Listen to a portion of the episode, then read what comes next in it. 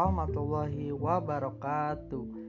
Pertama-tama saya panjatkan puji syukur kepada Allah Subhanahu wa taala yang telah memberikan anugerah kesehatan dan suara untuk membuat podcast ini. Tidak lupa salawat kepada Nabi Muhammad Shallallahu alaihi wasallam saya panjatkan. Di kesempatan podcast ini izinkan saya memperkenalkan diri sebelumnya. Perkenalkan nama saya Wahid Rahmatullah, mahasiswa pendidikan sejarah Universitas Pendidikan Indonesia.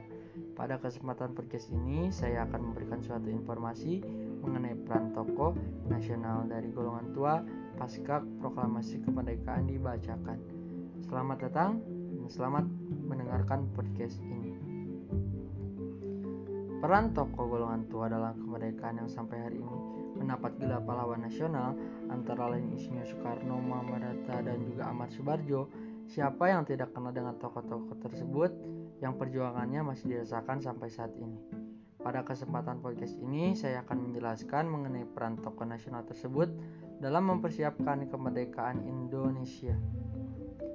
Yang pertama adalah Insinyur Soekarno atau Presiden pertama Republik Indonesia yang lahir di Surabaya 6 Juni 1901. Soekarno yang lebih akrab disapa dengan Bung Karno.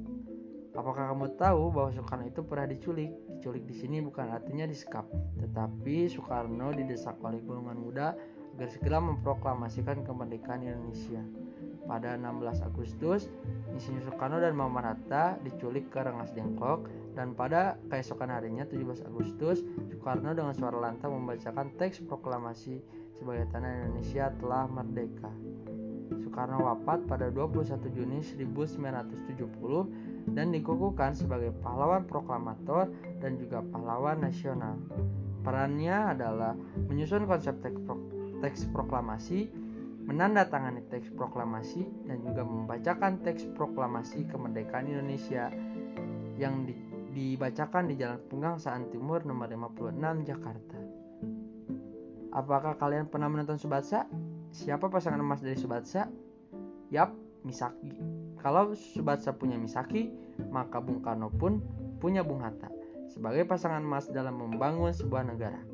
Tokoh nasional selanjutnya adalah Bung Hatta yang lahir di Bukit Tinggi Sumatera Barat pada 12 Agustus 1902. Di tanggal 17 Agustus, sebelum membacakan proklamasi, Hatta datang menghampiri Soekarno yang sedang demam kala itu. Hatta datang memberikan dukungan dengan penuh kepada Soekarno untuk bersama-sama memproklamasikan kemerdekaan. Selain dikenal sebagai proklamator, beliau juga dikenal dengan setia dan rela berkorban. Peran dari Bung Hatta adalah menyusun konsep teks proklamasi dan juga menandatangani teks proklamasi bersama dengan Bung Karno. Hatta wafat pada 14 Maret 1980 dan menganugerahi Hatta gelar pahlawan proklamator berdasarkan surat keputusan Presiden Republik Indonesia. Tokoh nasional terakhir dari golongan tua adalah Ahmad Subarjo.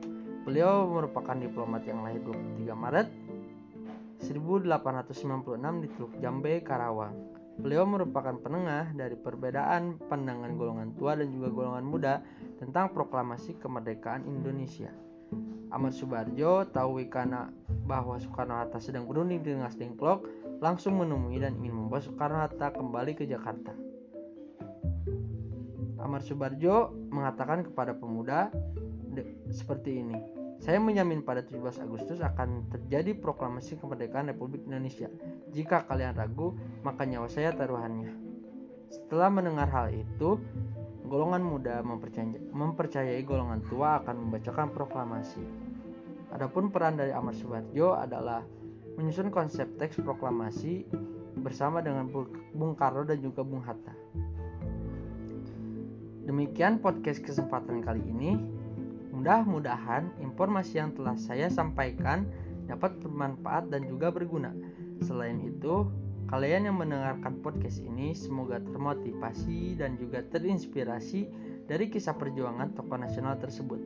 Mohon maaf atas segala kekurangan dan kesalahan kata. Billahi taufiq wal hidayah. Assalamualaikum warahmatullahi wabarakatuh. Terima kasih.